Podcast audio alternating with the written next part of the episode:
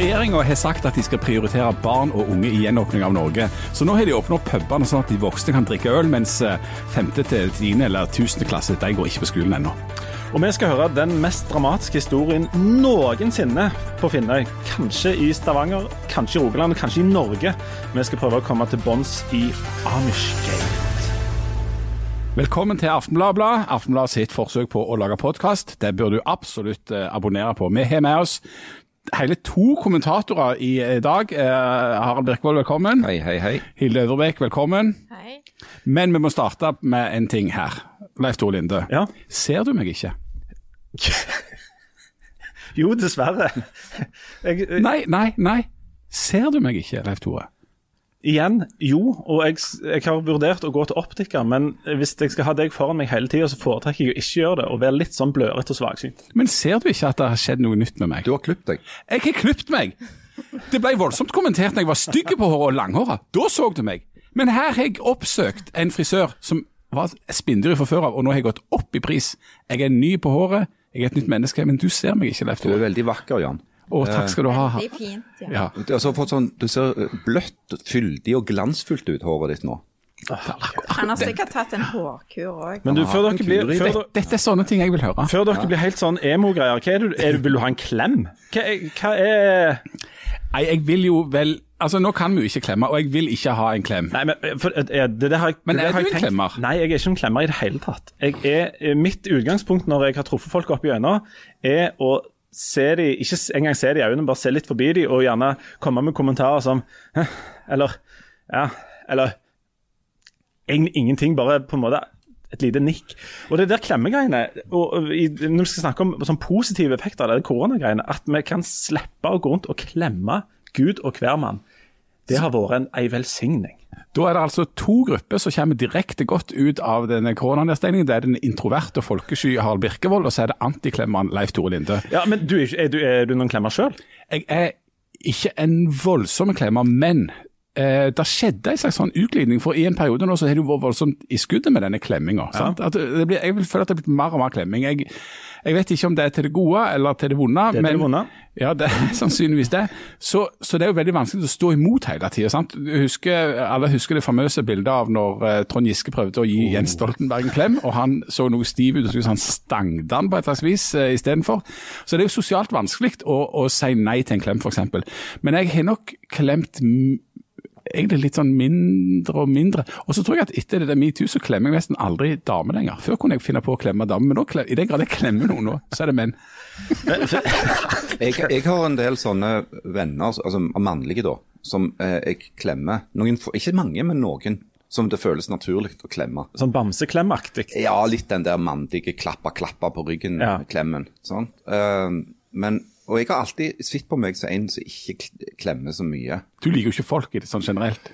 Nei eh, det, det, Å, Skal vi ta den om igjen nå? Nei da, nei, vi går videre. Ja. Altså, uh, men, men det der med klemming Jeg husker når, når det ble en ting altså, eh, når, Jeg er jo veldig gammel. Ne- Nest, ja, eldre enn Jan, faktisk. Så da snakker vi om relativt betydelig alder.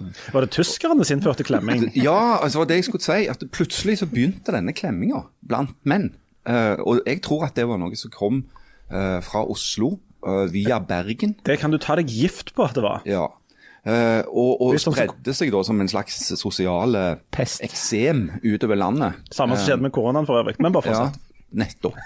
Uh, og, og jeg I begynnelsen så følte jeg meg liksom utilpass med, med manneklemming. Ja. Men nå har jeg på en måte vent meg litt til det. Litt sånn som med halloween. Som, sant? At det bare kommer, og til slutt så må du akseptere at det fins. Ja, jeg òg er litt der. Hilde, er du en klemmer? Eh, Jeg er en klemmer av de som eh, jeg eh, står nær, og, jeg, og venner og sånn. eh, Familie og unger.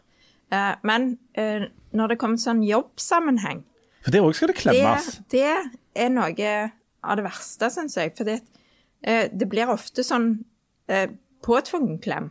At det, det Skulle jeg klemme han? Eh, var Ja. det meninga jeg skulle klemme han? Og, og noen som kommer og bare gir deg en klem, og så tenker du eh, Det var ikke nødvendig. Men- Eh, så det blir veldig sånn det, det blir litt sånn påtatt og veldig det, det føles som noen ganger at noen som invaderer liksom mitt personlige rom. For jeg må bare si det at jeg har ikke behov for å f.eks. klemme Sindre i markedsavdelingen når han blir 36. Det, det, det, det kjenner jeg ingen plass.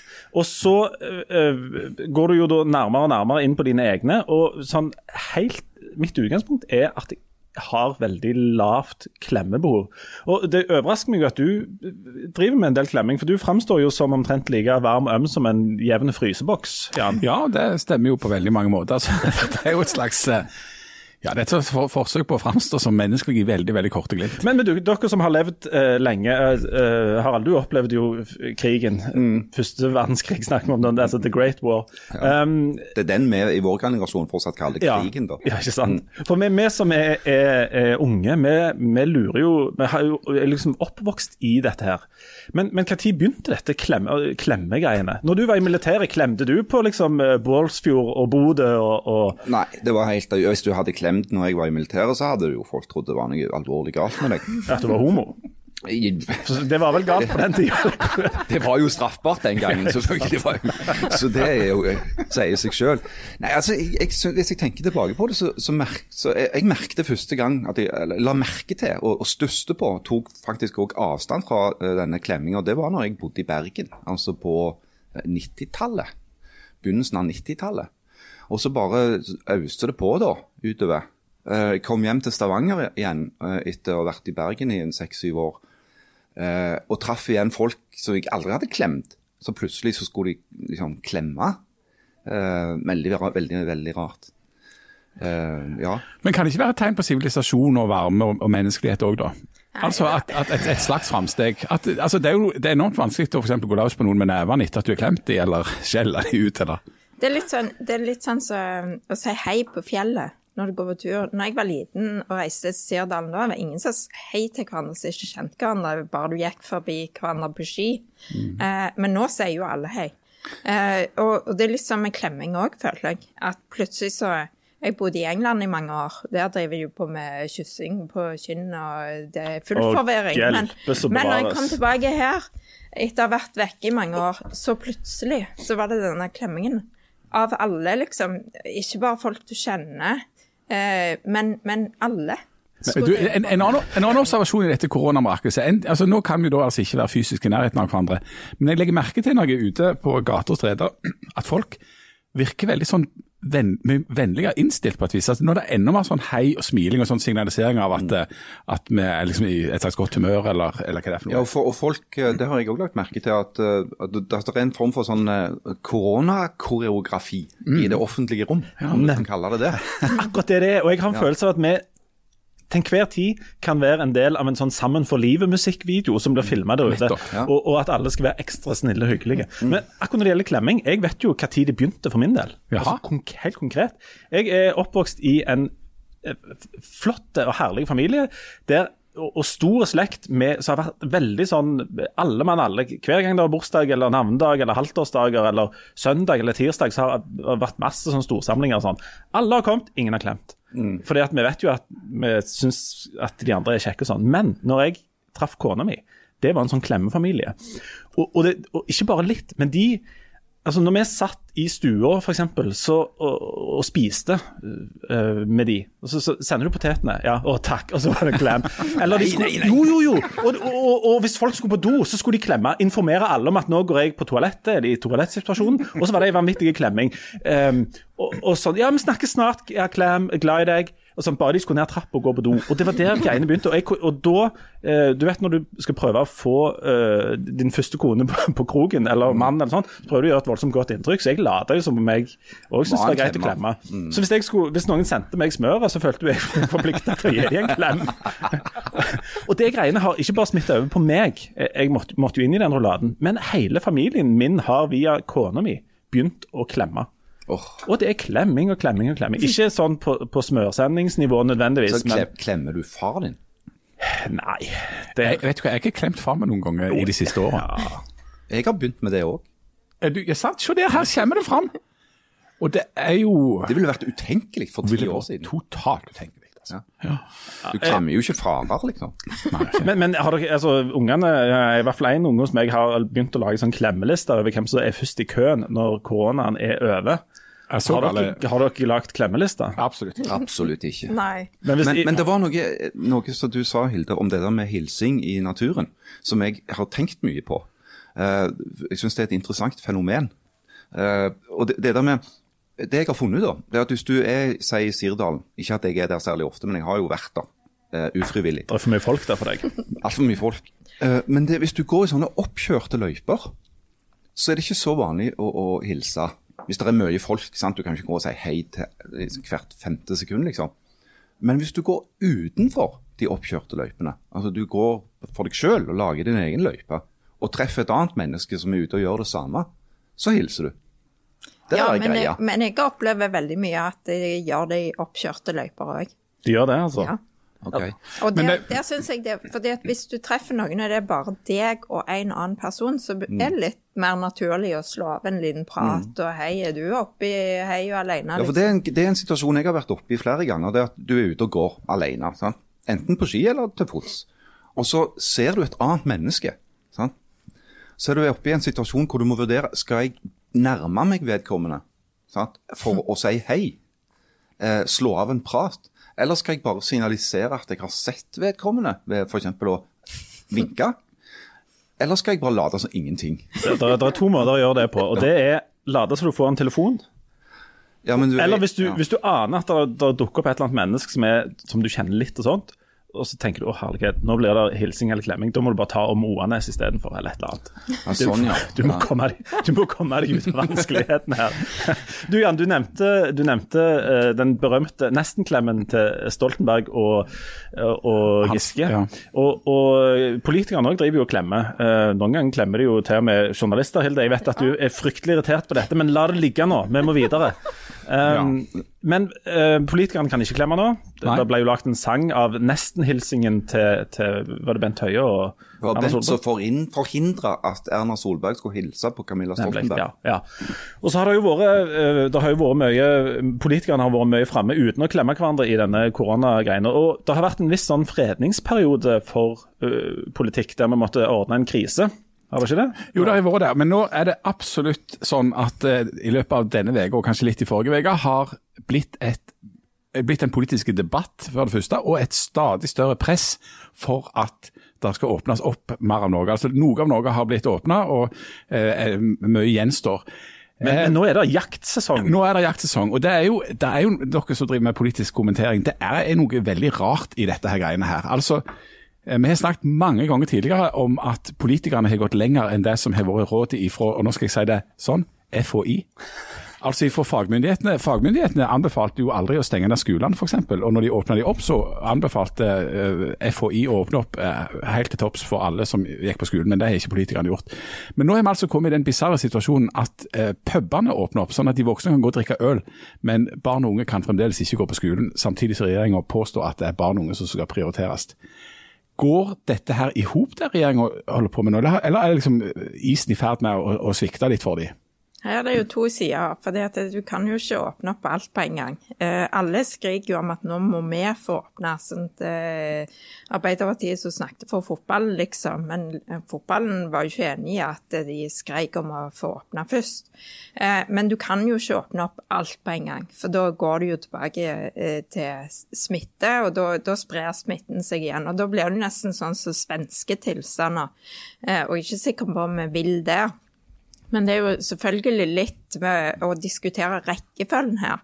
Fordi at eh, det er jo Når regjeringen sier at det er viktig å få ungene tilbake på skolen, så syns jeg jo at det bør være førsteprioritet òg. For du ser jo at det, handler ikke bare om de ungene som er sårbare, ekstra sårbare. Det handler faktisk om helt vanlige unger som kanskje bare trenger bitte litt mer hjelp av læreren. Som kanskje har en forelder som er nødt til å gå på jobb fysisk og ikke kan være hjemme hele dagen. Og hjelpe med de små tingene som de trenger hjelp til. At det, de, det er såpass lenge nå at de faller utenfor ganske mange, tror jeg.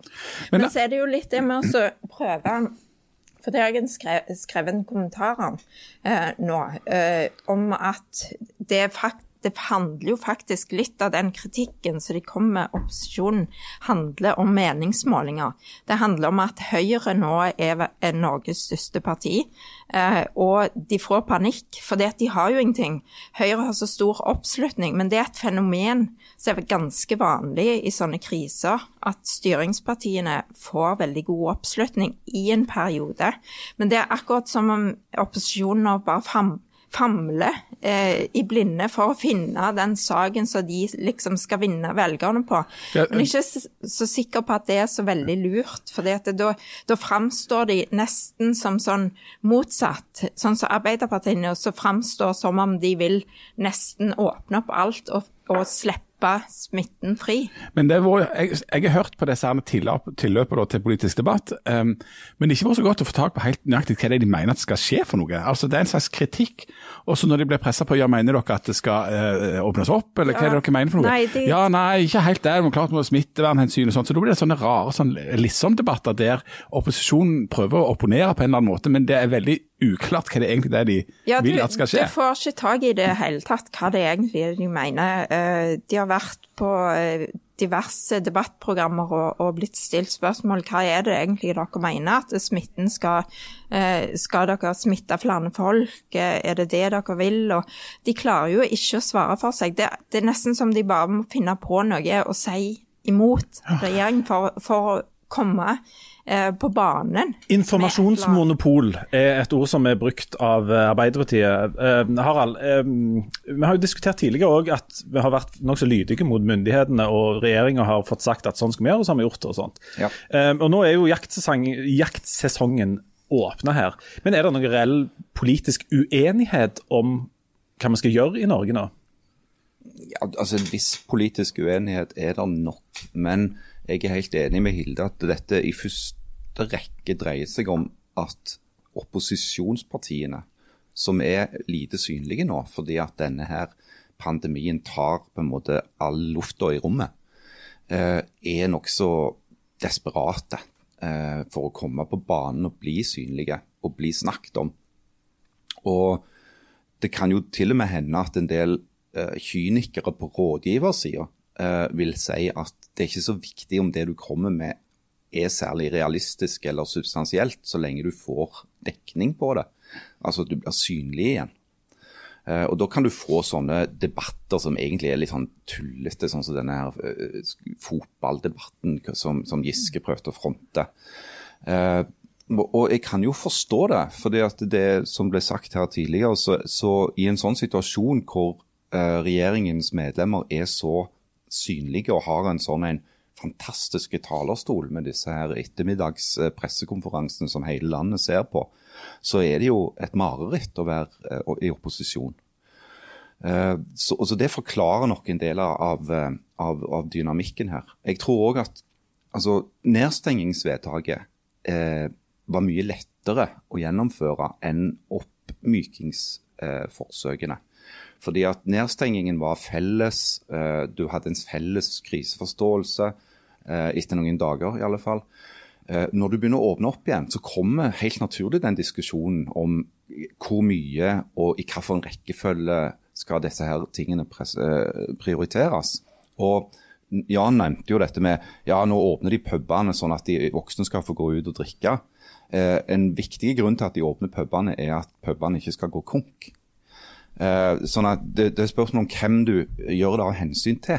Men Der har jo regjeringa vært helt tydelige på hva som er prioriteringa. Det er først barn og unge, mm. så er det arbeidsplasser og næringsliv. Ja, og, og til slutt er det, og så er det andre ting. Ja, men det er altså nummer to i den prioriteringsrekkefølgen. Barn og unge er fremdeles nummer én og står før det. Ja. Sånn at det, det, er det jo veldig mange som reagerer på. Mm. Um, men, men, skolen altså skolen er jo et eksempel. I, i forrige uke så hadde vi rektor på, på Augland skole her, Hege Wilhelmsen. Hege Wilhelmsen, ja. Og Hun sa jo òg det, at altså, stenge ned i og for seg er mye enklere enn å åpne opp. For det at når du åpner opp, så, så kommer alle disse her hensynene du skal ta til hvem som eh, vil gå på skolen, hvem som ikke vil gå på skolen, hvem som kan, hvem som ikke kan. Så skal du gå hjem hvis du er syk, eh, bare er litt snufsete i nesen, noe jo folk er hele veien, så skal du hjem igjen. Og så skal et helt apparat rigges for en masse sånne eh, enten-eller-tilfeller. Så det, det er mye vanskeligere å åpne opp enn å stenge. Men en annen ting vi snakket om helt siden dette begynte, det er jo eh, hva slags legitimitet tiltak har. sant? I, helt i starten så var det jo en, en kriseforståelse. Da var det høye smittetall, altså smitterate. Eh, det var 2, hver smitta smitta 2,4 nye personer. Nå har jo denne eh, strategien med å slå ned, den har jo vist seg å være veldig vellykka. De har slått det ned, sant? så nå er vi nede i sånn 0,63, tror jeg var det siste jeg hørte. Men grunnen til at det nasjonale tallet er så høyt som 0,63, det er jo fordi at det er eh, eh, flere smitta i Oslo og i Viken. Altså det er på Østlandet eh, folk driver og smitter hverandre. Og Da dukker det opp altså, den interessante situasjonen at i store andre deler av landet der er det nesten ingen smitte eller ingen smitte. Og Da er det vel kanskje ikke, ikke så rart at f.eks. Andøya kommune, som har null smitte og har hatt null smitte hele tida, at de ikke kan ha ungene sine på skolen, at de ikke kan drive normalt. Det er jo ingen smitte der. Mm. Altså sånn at, sånn at eh, Legitimitet og oppslutning om dette et resultat av at det var såpass vellykka, er at, at den oppslutninga vil etter hvert synke. Folk senker skuldrene når de vet at det er nesten ingen smitta. I Stavanger og Sandnes har det vel Altså i sørfylket i Rogaland tror jeg ikke det har vært noen smitta på 10-11 dager registrert. Mm. Nei, det er klart det. Jo, altså, jo lenger tida går, jo mer vil folk bli utålmodige. For dette er jo en situasjon som, som er krevende for alle. Selv om mange av, av oss tydeligvis har tilpasset oss dette her ganske godt. da. Jeg har jo slutta å klemme, f.eks. Du har f.eks. slutta å klemme. Det er mitt bidrag. Mm, glad inni deg for det. Eh, men det er klart at jo lenger dette her går, jo, jo flere sånne situasjoner vil du få. Eh, det er grenser for hvor lenge du kan be folk i en helt smittefri kommune om å oppføre seg som om de hadde en masse smitte. Mm. Men det har jo eh, eh regjeringen òg signalisert, eh, og folkehelsemyndighetene har jo òg sagt det, at over tid, når de ser hvor skikkelig bilde på hvor smitten er og hvor smitten ikke er, så, så vil jo åpne opp for lokale variasjoner. Men hvorfor har de ikke gjort det allerede? Jeg tror det er fordi at de tallene som de har nå, ikke, ikke de smittetallene, men de som blir innlagt, og det, det er jo to uker tilbake. Så de, de er jo nødt til å se dette litt over tid. De kan ikke bare, kan ikke bare ha et sånn hastevedtak om at nå åpner vi alle skolene her, nå åpner vi alle skolene der. Eh, og så er de nødt til å stenge de igjen. Jeg tror det er, det er nok litt viktig, sånn som Harald sier, at det er vanskelig å åpne det opp. Eh, og når du først åpner det opp, så, så vil du ikke risikere at de er nødt til å stenge det igjen igjen med en gang. Og så er det noe med at uh, vi har en tendens til å feste oss med de ekstreme. Sant? Altså Oslo, uh, Enkelte bydeler i Oslo er på en måte bare det høyeste smittetallet. Og så er det andre kommuner i, i distriktene som er helt smittefrie. Og Problemet er i grunnen de plassene som er sånn midt imellom, altså tvilstilfellene. Eh, og Det ligner litt på den debatten om hytteforbudet. Noen hyttekommuner har så mange hytter at de ville teoretisk sett kunne fått et stort problem.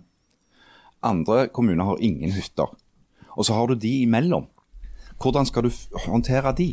Sånn at Jeg tror en del av disse her kategoriske enten-eller-tingene eh, handler om, om at eh, hva, hva, da med de liksom, litt tvil, tvilstilfellene? Og Da er det mye enklere å ha felles regler for alle. Er ikke det, også poenget med å ikke åpne opp for for mange sånne lokale variasjoner? Nemlig at det er, er, er, mer enn nok nye regler å forholde seg til her. Hvis vi skulle hatt uh, et sett med regler i Stavanger, og så kommer du til Sandnes, og så er det et annet sett der, og så krysser du Skjævelandsbrua, og i Klepp så kan du drive kiosk, men ikke storkiosk. Mm. Mens når du kommer til Time, så kan du ha åpne butikker, men ikke puber. Du kan ha skoler, du kan drive skolekorps, men ikke 4H-klubb, og du kan åpne bedehus, men ikke kirker. Er ikke det uh, et sånn potensielt kaotisk jo, nettopp. opplegg. Jo. Eh, du sa det mye bedre enn meg. Det var, det jeg, prøvde, det, var det jeg prøvde, å si. Nei, eh, du trenger jo den hjelpa du kan få. Jeg trenger den hjelpa jeg kan få med å få formulere meg. Og det er nettopp det du peker på. At hvis du lager en sånn, en sånn glideskala for tiltak, så, så, vil det oppstå et komplette kaos. Og så er vi jo i den interessante situasjonen at eh, strategien med å slå dette ned, den har vært vellykka. Det er nesten ikke smitte rundt omkring, iallfall i Rogaland, eh, og iallfall ikke Sør-Rogaland for tida. Eh, folk senker skuldrene litt, grann, krever å få åpne opp og sånt. Og så er jo faktum at denne koronasmitten den er jo ikke vekke. Epidemien er ikke over. Det finnes ingen vaksine. Det finnes heller ingen immunitet i befolkningen. Hvordan håndtere det framover? Og få folk til å være med på tiltak for noe som på en måte er en slags litt, fremdeles litt sånn teoretisk fare, men som er veldig reell allikevel? eh, god informasjon, tror jeg, er Ja. tingen her. Eh, det har regjeringen fått, og, og FHI, fått eh, velfortjent rots for. Eh, og utfordringen blir jo å klare å holde på den troverdigheten og den konsistensen i informasjonen lenge nok. Og Det blir en krevende øvelse. Men jeg tror òg at hvis eh, denne regjeringen lykkes med sin strategi, eh, så vil de òg få politisk uttelling for det senere. For det dette er jo et eh, altså for, Særlig for, for folk som, som Erna Solberg, Bent Høie, Monica Mæland, så har jo dette her vært tidenes profilering.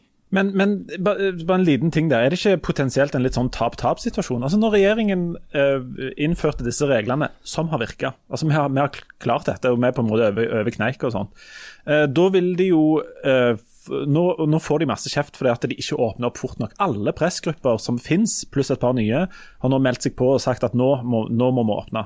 Altså ærlig talt, det må gå an å ta en liten tur til f.eks. Uganda for oss som spiller fløyte. Det, det Akkurat for oss må, må det åpnes opp for, tross alt. Hvis eh, strategien deres ikke hadde virka, så hadde jo selvfølgelig kommet dårlig ut. Men hvis strategien deres virker, så er det jo òg i en litt sånn underlig situasjon der eh, OK, det vi bestemte funka, og nå er alle sure på oss fordi at vi ikke åpner fort nok. Det, kan, det ikke, kan det ikke bli like fort en tap-tap-situasjon som en vinn-vinn for dem? Jeg tror ikke det. det, det, kan, nei, jeg tror egentlig ikke det. Eh, De har takla det veldig godt til nå. Og jeg tror, når du ser altså nå har jeg, eh, Siden jeg skrev den kommentaren, så har jeg sett gjennom veldig mange kommentarfelt og veldig mye på Twitter og sosiale medier og sånn. Uh, og det du ser når, når opposisjonen kommer med disse utspillene, sånn som Ap har gjort med fotballen og diverse, uh, så ser du at folk stort sett støtter regjeringen. Og de sier at det ikke kommer sånne tåpelige utspill, og hvorfor er Giske ute og sier sånn, hvorfor eh, sier ikke Støre noe til han om at dette er tåpelig og sånn. Det, det er liksom de kommentarene som kommer. Så enn så lenge så tror jeg faktisk at, det, at vi er klar for å fortsette. Men, men går dette over veldig mange måneder og lang tid, så er det klart at folk blir jo lei av å sitte på hjemmekontor. De, de vil at ting skal åpne opp. Eh, eh, men, men eh, sånn utenlandsreiser og sånn, det tror jeg ikke vi kan eh, holde på med eh, på lang tid. Men vi har hjemmekontor. og Jeg vet du Harald er veldig glad for det, mm. først og fremst fordi at du hater folk. Alle andre enn deg sjøl, kanskje inkludert deg sjøl òg, for alt jeg vet. Men vi har hjemmekontor, og der har vi jo tid til å sløse vekk mye har anledning til å sløse vekk mye tid. Hvor mye bruker dere på sånn Facebook og Twitter og sånne sosiale medier? Jan?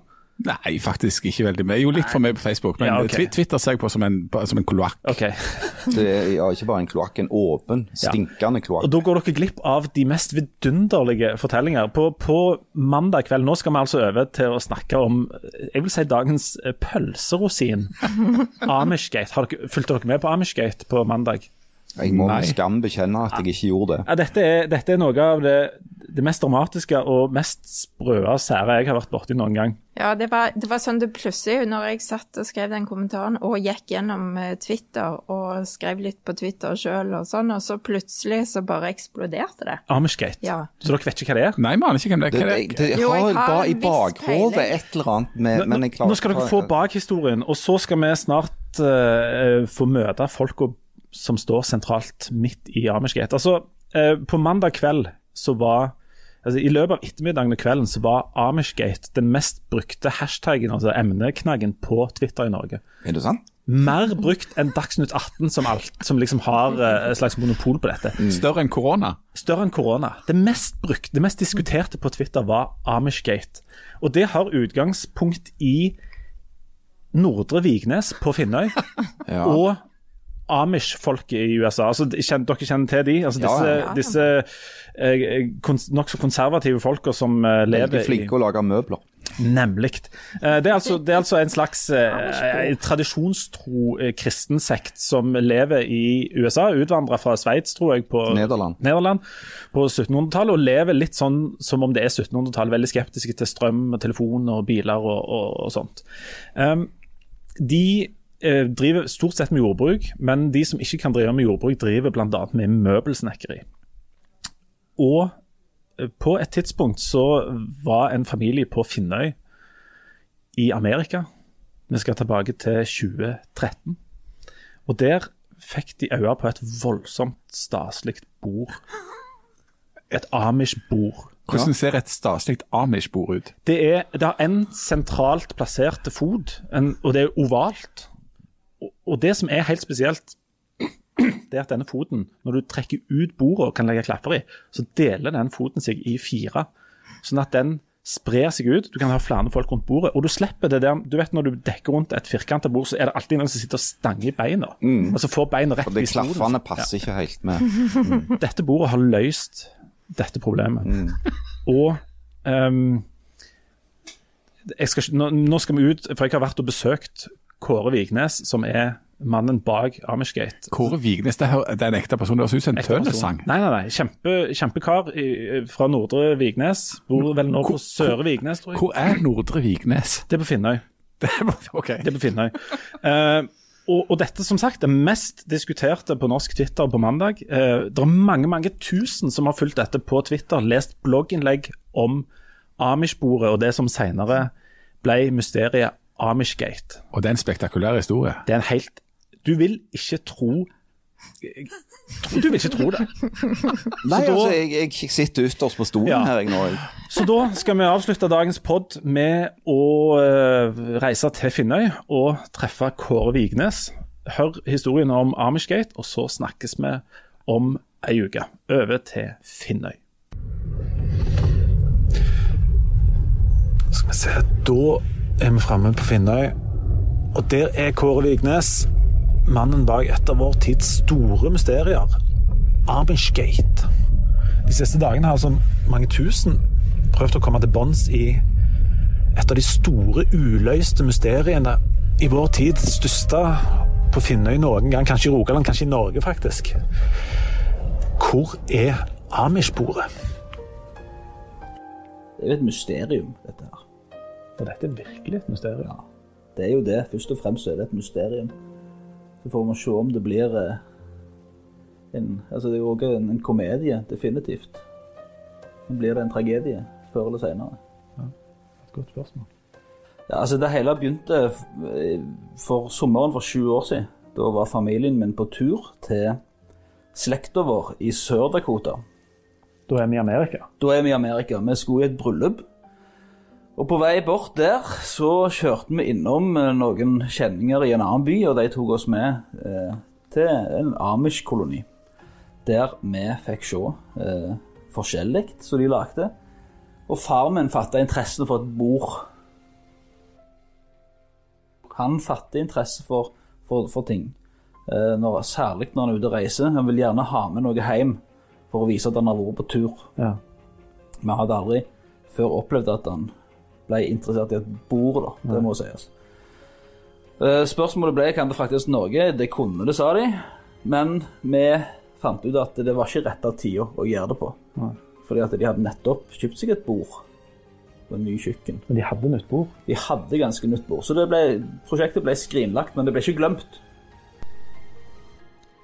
I løpet av et par timer på mandags kveld ble Kåre Vignes kanskje den mest kjente av Vignes-søsknene. Broren Oddvar var egentlig ganske kjent. Han har bl.a. vært omtalt i VG, og han har nylig skrevet et stykke i Syn og Segn. Som sagt, han er nokså kjent. Søstera Dorrit er nok ikke så kjent, men ifølge kilder på Finnøy er Dorrit kanskje den med aller høyest potensial. Eh, Uansett, i Amishgate er det Kåre Vignes som er hovedpersonen. Og bare før vi går videre, Kåre Vignes ble nokså nylig omtalt i Aftenbladet i forbindelse med en reportasje om ordføreren på Finnøy. Der sto det bl.a. at Kåre forsynte seg grovt av kakefatet. Og før vi går løs på selve mysteriet med dette Amish-bordet, vil både Kåre og familien presisere at Kåre ikke forsynte seg noe grovt av noe kakefat. Han tok to kakestykker, noe som må regnes for å være godt innenfor normalen. Uansett, nå begynner mysteriet om Amish-bordet, og følg godt med. Dette er høydramatisk. Og så plukket mor mi dette her fram igjen da, i fjor, oktober, var hun på en tur med ei venninne. Da var de innom samme plassen.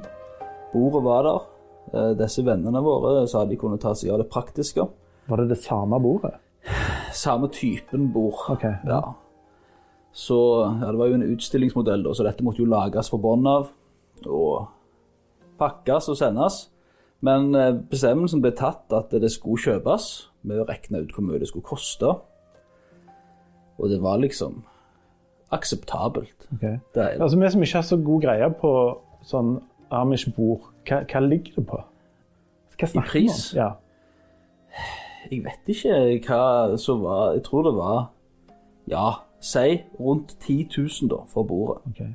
Det er jo ikke et billig bord. Nei, det er det ikke. Du skal tenke deg godt om, tenker jeg, for å investere 10 000 i et sånt et bord. Ja, men så kom det jo frakt, og så kom det jo moms eh, og sånn. Så det, det balla jo litt på seg, men det var greit. Men det som jo ikke var greit, det var at dollarkursen på den tida var jo rundt ni. Ja. Og når alt skulle betales nå i, i mars, så var han jo over 11.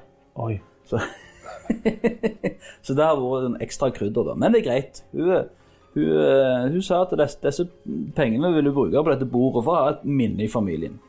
Men du, hadde den der, hadde den der tanken om det bordet sveve i, hodet til faren eller mor Ja. i, i mellomtiden? Ja, Amish-bordet ble omtalt Å, ja. rett som det var. At det hadde vært stilig å en gang få tak i Amish-bord. Og så bestemte hun seg, da. Og på dette tidspunktet så hadde min far sin entusiasme nok eh, dalt en del, okay. må vi kunne si. Og han mente vel nå at det først og fremst var toskeskap, det hele. Ja. Ja. Men allikevel. Allikevel så ble det bestilt, og vi hadde jo en, en mann der borte som fiksa det for oss.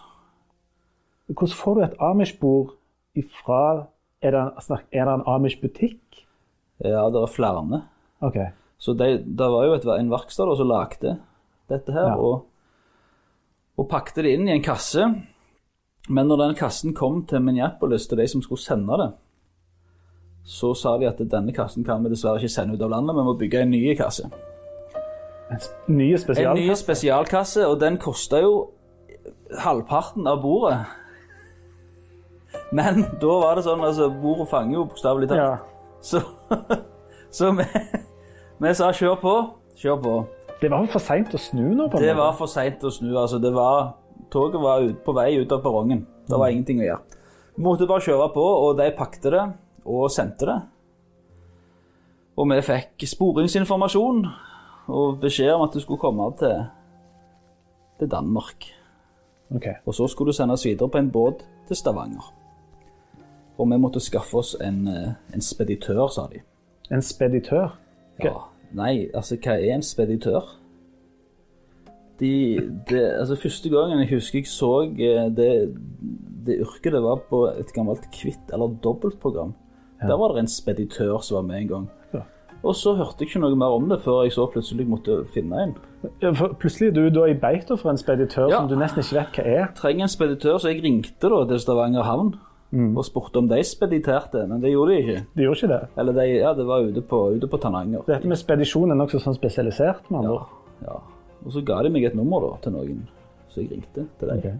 Og de hadde aldri vært borti eh, import av ting for privatpersoner før. De drev mest med oljerør og den slags. Men selvfølgelig skulle de hjelpe meg. Eh, Så for det med å speditere et Amish-bord til Finnøy, det var nytt for de òg. Det var nytt. Det var nytt.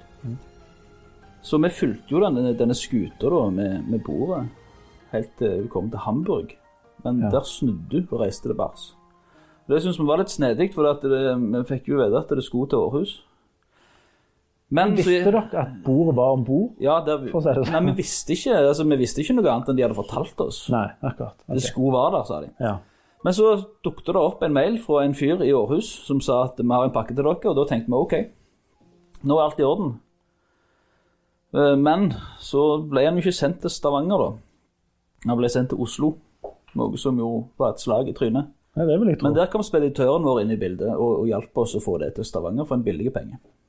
Så det, det er, men Det vil si relativt billige penger i, i denne sammenheng. ja. Ja. Nå hadde dere allerede brukt en del ja. ja. penger for å få det bordet her. Ja, ja. Vi har- vi- Mor mi hadde brukt en del penger. Ja, ja. Og så kom han da til Stavanger eh, nå før helga, og, og vi reiste ut i går. Kom ut, eh, fikk henta meg en Jeg hadde fått med meg en assistent fra Fågen, som riktignok eh, forsinka det hele litt, men vi, vi kjørte det inn. Og han stolte du 100% på? Ja, han er til å stole på. Ok, Selv om han er fra Fågen? Ja, nå har han flytta fra Fågen. og- Ok, hvor bor han nå. Han bor i byen nå. Ok, Ja, ja, likevel. Allikevel. Men når vi kom ut der, så var det jo bare fest og glede. Eh, Dette spedisjonsselskapet var jo veldig kjekke folk å forholde seg til. Og henta henta kassen. Og jeg burde nok allerede da reagert på at den var litt liten. Men jeg tenkte altså, Og jeg så jo ikke Det, det så ikke ut som det var et bord innpakka i en kasse i en annen kasse. Nei. Men, Men- jeg tenkte de har sikkert bare vært sykt gode til å flatpakke det. Ja. Og dere har gleden i bilen, Ja, så kjører dere hjem. jeg tror, jeg tror Daniel, assistenten min, syns det, han syns nok kanskje det ble litt mye med meg i går. Ja. Ja. For du, du var nokså oppstemt. Jeg var, jeg var relativt høyt oppe, ja. Ja. Ja, Så kjører dere hjem. Den, en god biltur hjem. ja det var fint. Ferdige med spedering, eller spedisjon, eller Spedisjon. spedisjon. Ja. Og bordet er klart. Hvor skal det hen? Nei, men vi skulle til Nordre Vignes, da, som Ja. er der jeg er født og oppvoksen. Og når vi kom der, så var jo mor og far der, og broren min var der, og søsteren min var der, og niesen og fetter Tore og At alle var alle. alle. Ok, for å oppsummere litt. Det har altså nå gått sju år siden de så Amish-bordet første gangen. Tusenlappene har føket ut, forventningene er skrudd opp til elleve, og endelig skal dette enestående Amish-bordet komme på plass. Kåre har rekvirert en assistent fra Fågen for å hjelpe å flytte Amish-bordet inn og ut av bilen. Slekta er samla på Nore Vignes, nervene er i høyspenn, og forløsningen er så nær. Og på Twitter sitter altså en hel hærskare og venter på jubelbildene av Amish-bordet. Tusenvis har nå lest Kåre sin blogg om det samme Amish-bordet. Han skal nok være litt forsiktig med å sammenligne ting med Jesu gjenkomst, kanskje særlig på Finnøy, men vi er altså omtrent i det segmentet her. Forløsningstimen er nær. Lovet være Ja, uansett. Tilbake til Kåre. Det er nå dramaet virkelig begynner. Så skjer da, så da åpna vi det jo opp, og, og da ser de jo at ja, dette var mindre enn vi hadde trodd. Var det litt sånn andaktsfølelse Ja. der ute? Eller hvordan Ja. var stemningen? Det er spent andakt. Ok. Ja. Litt sånn en, Akkurat som på søndagsskolen, altså det mest spennende historien fra Gamle testamentet. ja, aktig. ja. Daniel i løvehulen. Daniel i løvehulen. Fognabuen heter jo Daniel. Ja, så det Så passer det passer bra. Så skal dere åpne det. Så åpner vi det, og så ser vi jo at her er det ingen kasse. Her er det rett inn på bordflata. Akkurat. For Det skulle være en spesialkasse her. Ja, ja, to. Og så, og så begynner vi å, og så begynner vi å, å se på det hele og ser jo at det er jo ikke Det skal jo være et ovalt bord, og det er det jo ikke. Det er to høye bord av den typen du finner i hotellobbyer eller på flyplasser.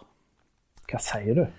Så da, da, da forstår vi jo at noe grusomt har skjedd. Nå begynner det å koke. Ikke bare på Nore Vignes, men på Twitter og på Facebook og på meldinger. Hvor er Amish-bordet? Hva har skjedd med Amish-bordet? Hvis det ikke er på Nore Vignes på Finnøy, hvor er da Amish-bordet? En helt ny emneknagg, en såkalt hashtag, dukker opp. Amishgate. Folk på Kvitsøy, folk i Stavanger, folk på Bryne og på mer usentrale plasser som Oslo og Bergen følger dette nå live. På Finnøy står en fortvilte Kåre Vignes, og på Twitter hagler det med meldinger. Amishgate er plutselig den mest brukte emneknaggen på Twitter i hele Norge. Det er nå flere som diskuterer et Amish-bord på Nore Vignes, enn som diskuterer den daglige kjeglinga i Dagsnytt 18. Og alle lurer på det samme. Hva skjedde med Amish-bordet? Hva er løsningen på Amishgate? Um, det sto en lapp på pakken, men den var, den var nok kommet på i Norge. Så det så ikke ut som det var sendt liksom fra Amerika. Nei.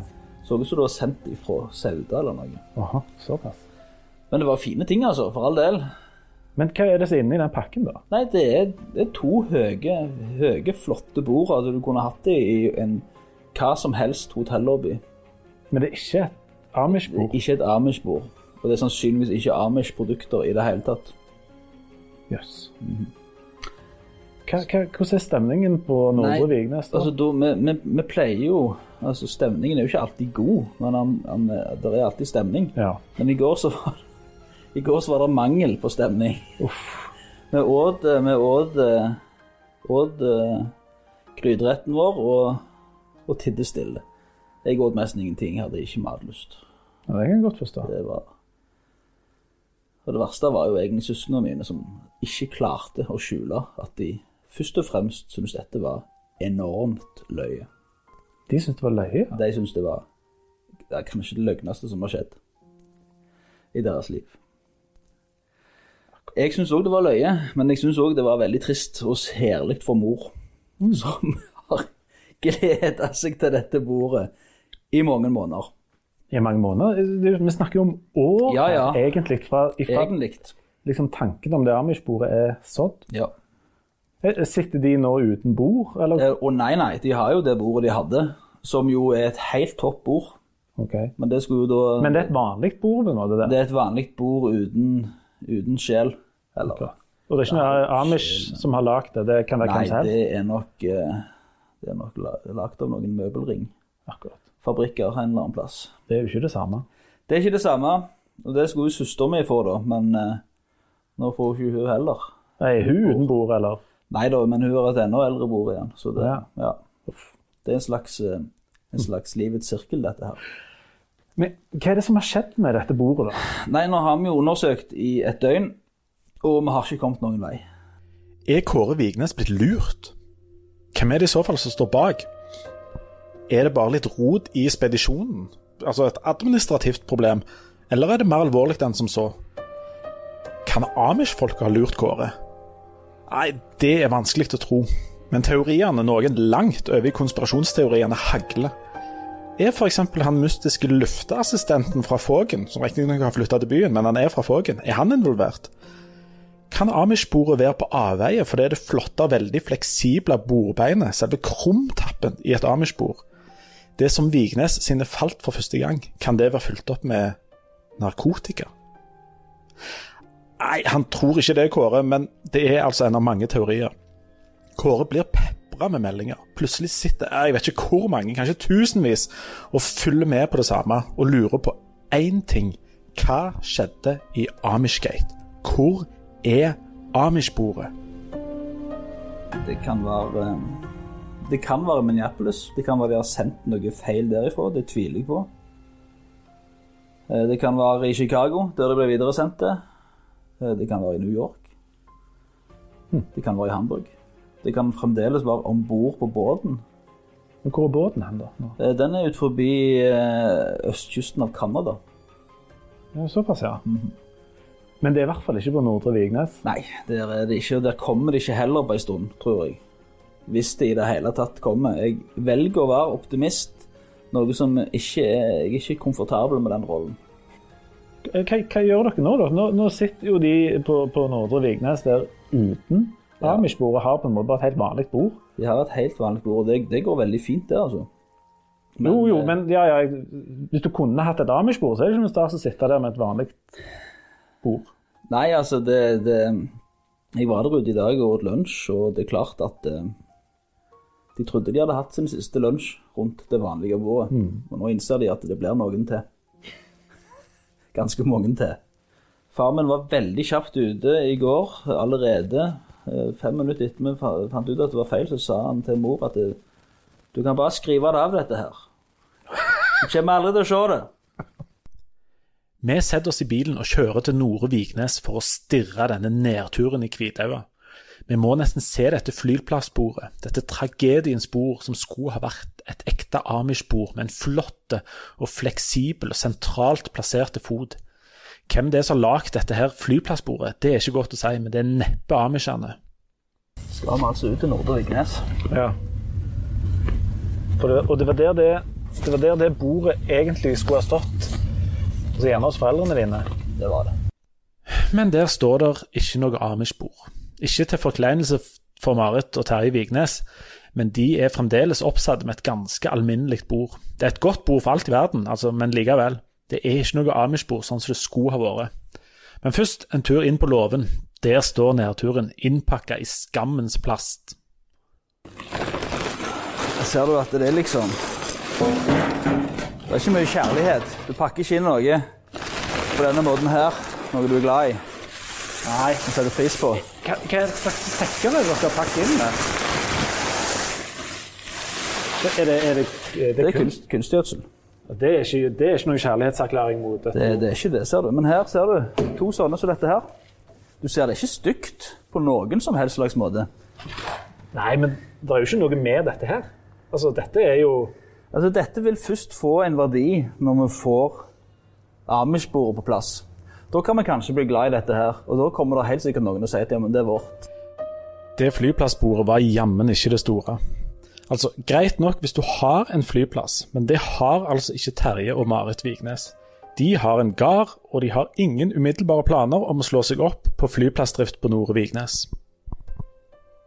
Altså, vil du, vil du snakke med mor i det hele tatt? Ja, skal vi se blir plagt av at vi går innom? Eh, nei. Nei, hun blir ikke plaget. Vi må, vi må kanskje gjøre det, for det var jo de som skulle hatt det. Altså, det er hun som er Det er hun som er dette bordet. Ja, det er det. Jeg er jo bare et slags medium for det hele. Ja, ja. Kan ikke helse heller. Nei, men kanskje det. Leif Tore heter jeg. Ja, jeg heter Marit. Du, jeg satt og fulgte med i går på, på dette her med vanvittige dramaet rundt det der bordet. Jeg klarte ikke å gå og legge meg. Og jeg, Sier du og det? Når jeg la meg, så fikk jeg ikke sove. For Hodet mitt kverna kun på hvor det der, hvor den videste verden det der bordet kunne være. Det skulle jo ha vært her hos dere. Ja, eh, det skulle det, og jeg hadde liksom Ja, skal vi bære det ut? Bære ut det gamle gamle før det andre kommer? Jeg tenkte nei, vi gjør ikke det. Ikke selge bjørnen. Nei. Nei, nei stemmer. Men det, det var du som på en måte øh, fikk det avgjørende ordet for om dette bordet skulle kjøpes eller ikke? Det, eller jeg forstår at det, Altså- muligens han som planta ideen Han, han planta ideen, men da var dette så Dette bordet var så nytt så jeg sa vi kan ikke det. Men så var jeg der året etterpå, og så kom jeg igjen i fjor. Da, da Jeg, jeg har ei venninne, en sykepleierkulling. Da sa hun du må bare kjøpe dette bordet, for det at, eh, så får du fred. Ja. Og det, og det gjorde jo ikke. da, da, da, Da du, begynte ufreden. altså, da hentet du fram eh, lommeboka, og så gjorde du alvor av det bordet. Ja.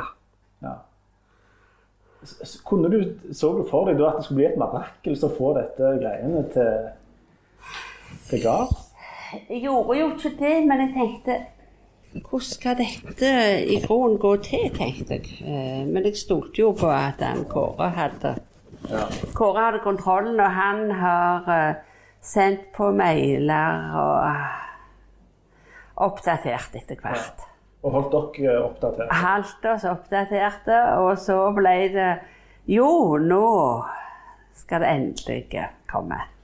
For han gjorde jo, Nå sitter han der, så Han har gjort mye. hva vi kan si om han, men han Jo. gjorde jo et La oss kalle det et litt stort nummer ut av at dette skulle komme. Eh, hvis du hadde kjent han Kåre fra før, så hadde du ikke vært overgitt av det. Nei, han er, han er veldig god til å ordne opp i ting slik. Ja. Eh, han var med for 20 år siden når vi var der, så han har vært i butikken og sett hvor dette ble handla. Eller butikken, det var en verksted. Så kom de kjørende her, og om det var broderen eller søsteren som sto og filma, liksom skulle få med dette her. Og så, så ble det jo tidenes mageplask. Ja, det er det. Ja, det gjorde det da vi pakket opp, og og liksom Hva er det vi har fått? Det var jo ikke det. Det skulle pakkes i en kasse, og Herlighet. Hvordan reagerte resten av forsamlingen på dette? For det var jo samla et helt oppbud her ute. Vi tusla i groen inn og, satte oss her og åt middag i stillhet. Det var to barnebarn på besøk, og de var uvanlig rolige. Men de hadde fått beskjed av mora ikke bare oppfør dere fint, for de voksne er leie seg. Sånn kan det være. Slik kan det være. Ja. Hva hva tenkte du sjøl når du så de pakket opp det der med de der flyplassbordene der ute. Hva skal jeg Nei, jeg kan ikke si det. Men jeg har en venninne, hun sier 'good heavens' når det er skikkelig Hvis det er skikkelig galt. Ja, ja. og mora sa det som var enda verre, når hun syntes det var noe skikkelig galt. Ja. Men du var inne på de tankebanene uten å nødvendigvis si det høyt. Uten, uten å si det høyt. Jeg tenkte, hva er dette her for noe mirakel? Altså, her har vi gått og bygd opp en forventning, og liksom Så ble det pladask ned. Ja. Nå sitter dere med Skulle stått her, det bordet? Skulle stå akkurat her. Ja. Men Sånn umiddelbart, uten at jeg har sikt unna, unna duken, Nei, her, så ser du jo brukbart ut. Jo, jo, det var ikke det. Det var ikke det, ser du. Det var ikke det som var vitsen, at ikke dette var brukbart. Men hva var det da? Eh, nei, jeg hadde arva noen penger etter mor mi. Og så ville jeg ha, liksom, kjøpe en skikkelig ting, så jeg hadde en skikkelig ting som minner om henne. Det, var det, det, det er der det ligger, altså. Der ligger det. Ja. Det kunne jo Og dette bordet skulle da leveres til, videre til noen andre. Så i mellomtiden har valgt å skille lag, men de skal få det likevel, for uh, det skal stå der i huset. Eh, ja. nå, nå blir du bare sittende med dette bordet inntil videre. Inntil videre. Ja. Du, Kåre sa til meg at han, eh, han har ikke gitt det opp. Men hvis han ikke har fått det bordet til gards innen han er 50, så gjør han seg. Så han har gitt seg sjøl Ja, fem år plutselig. ja, men da er jeg gjerne så gammel at jeg har ikke noe glede av det. Du kan aldri vite Ja. hva som skjer i disse koronatider. All denne dramatikken, hele Amishgate, er det bare et utslag av koronaen? Er det noe ugler i mosen en eller annen plass her? Blir det ei gransking av noe slag, ei grundig gjennomgang av hele sakskomplekset? Nei, det er et mysterium, hele Amish-bordet. Kåre Vignes har ikke gitt opp, men han vakler litt i trua. Han gjør det. Kommer du til å gi deg før det bordet er her? Altså, nå har dere holdt Ja, på sånn. ja, jeg kommer helt klart til å gi meg før det bordet er her. Og du gjør det? Eh, Ja, altså, Jeg kan jo ikke vie livet mitt til dette. Altså, Jeg ser jo ikke eh, for meg at jeg jeg gir meg før jeg blir 50. Nei. Og nå blir jeg 45 i, i sommer. Ja, okay. Så du, har fem, du gir deg sjøl Jeg gir meg år? selv fem år for å få det hjem. Men eh, kanskje vi òg Det kan jo òg være at vi bare kaster kortet og sier at det, det er tapt. Det er jo et mysterium, dette her.